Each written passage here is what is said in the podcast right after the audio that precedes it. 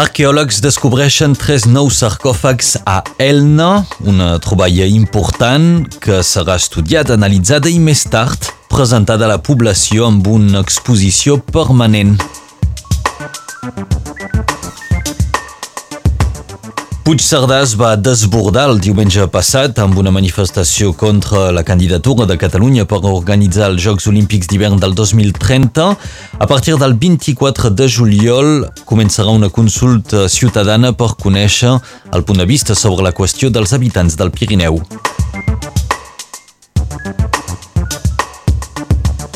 Baltònic no serà extradit a l'estat espanyol. El cantant de rap mallorquí porta ja 4 anys a, la, a, a fora del país, a Bèlgica, i finalment aquesta sentència tanca eh, doncs un episodi complicat pel cantant que s'ha mostrat força alleugerit per la decisió de la justícia belga.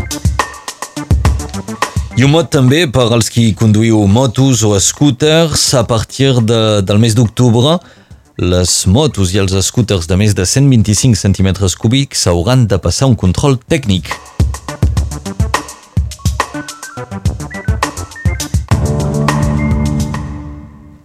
La calor ens acompanya encara avui amb uns valors que podrien passar els 30 graus a la plana, al Vallespí o encara més encara a les Corberes. De fet, aquest ambient de ple estiu s'explica per una onada de calor que impacta tota Europa. Aquests dies els valors mínims no haurien de baixar per sota dels 20 graus. Avui a la plana del Rosselló s'esperen temperatures d'uns 10 graus per damunt dels valors normals per aquesta temporada.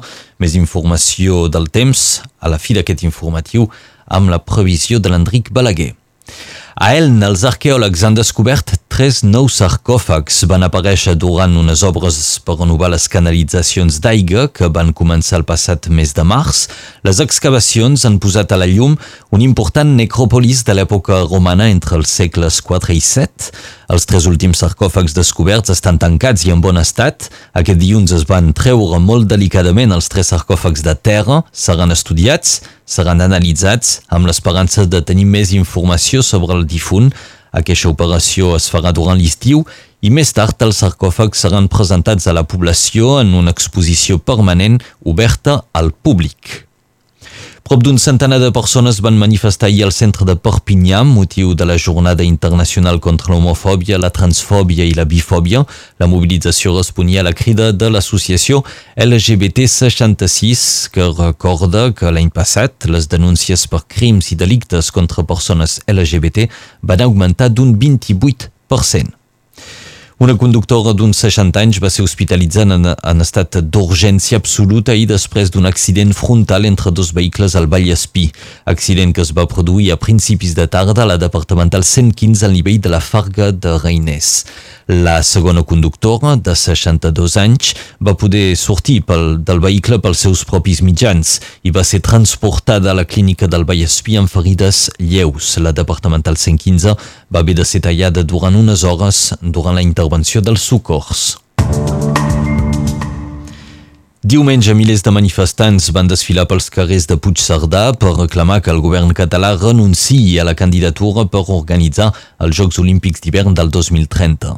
Aquesta crida a sortir al carrer es podria convertir en una crida per anar a les urnes si el govern manté la consulta ciutadana prevista pel 24 de juliol. Aquell dia, els habitants de les comarques del Pirineu hauran de dir si volen o no que el govern presenti una candidatura pels Jocs Olímpics i també Paralímpics d'hivern del 2030. Des de la plataforma Stop Jocs Olímpics apunten les mancances que tindrà aquesta consulta.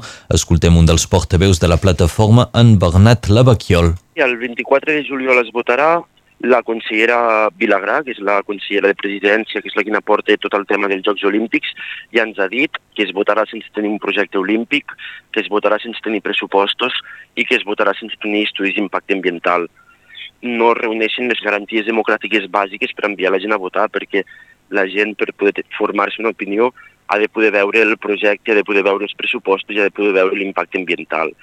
Aleshores, nosaltres ara el que exigim al govern ja és que retiri el projecte. La manifestació de diumenge va ser una demostració de força, va ser un clam de la gent del Pirineu, diguent-li al govern no volem més monocultiu turístic, no volem macroprojectes, necessitem una alternativa per les comarques de muntanya i l'alternativa passa per potenciar un, un sector primari, una agricultura, una ramaderia i també per potenciar una petita indústria de la transformació que aconsegueixi fixar població al territori i revertir la despoblació que hi ha ara mateix a les comarques de muntanya i això només es pot fer si generem ocupació estable i de qualitat i també si dotem el Pirineu d'uns serveis públics bàsics. Si volem que no hi hagi èxode rural, hem de tenir escoles, hem de tenir um, residències per la gent gran i hem de tenir hospitals.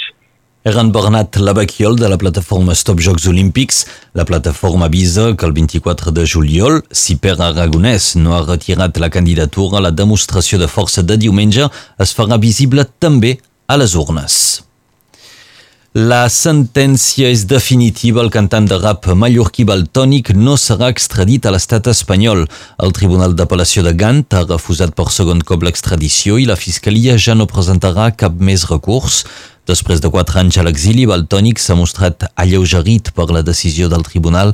El cantant assegura que vol seguir fent militància política, però també començar a viure Baltònic també ha agraït tot el suport rebut des dels països catalans durant aquests quatre anys.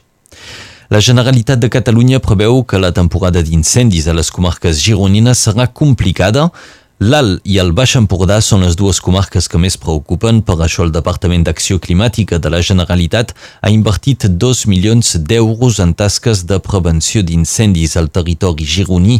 Les prediccions estacionals indiquen que en els pròxims mesos hi haurà menys pluja de l'habitual per l'època.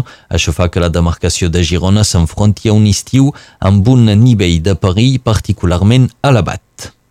I el govern de la Generalitat va presentar ahir un recurs contra la demanda del Tribunal Superior de Justícia de Catalunya per aplicar el 25% del castellà a les escoles a finals d'aquest mes. Mentre no es resolgui aquest recurs, la Generalitat demana que se suspengui l'execució de la sentència. Avui Suècia i Finlàndia presentaran oficialment la candidatura d'adhesió a l'OTAN. Els dos països faran aquest pas simultàniament i demà la primera ministra sueca i el president finlandès seran a Washington per una trobada amb el president dels Estats Units, Joe Biden. 42 investigadors del Tribunal Penal Internacional arriben a Ucraïna per investigar possibles crims de guerra comesos per les tropes russes. Es tracta de la missió més important en nombre d'efectius que hagi enviat mai al Tribunal Penal Internacional. I tornem a l'estat francès, com les botures, les motos també hauran de passar un control tècnic a partir del mes d'octubre. La mesura concerneix les motos i els scooters de més de 125 centímetres cúbics. La mesura havia d'entrar en vigor a partir de l'1 de gener del 2023, però ahir el Consell d'Estat va decidir avançar aquesta data al 1 d'octubre.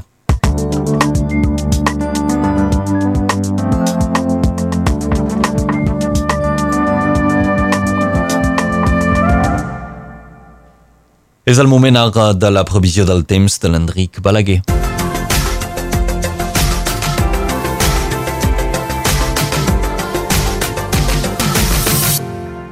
Avui és probablement el dia on tindrem més calor d'aquest període precoç amb valors que són d'estiu. Aquesta nit, en zona de plana, la temperatura no ha baixat per sota dels 20 graus, el que es qualifica de nit tropical.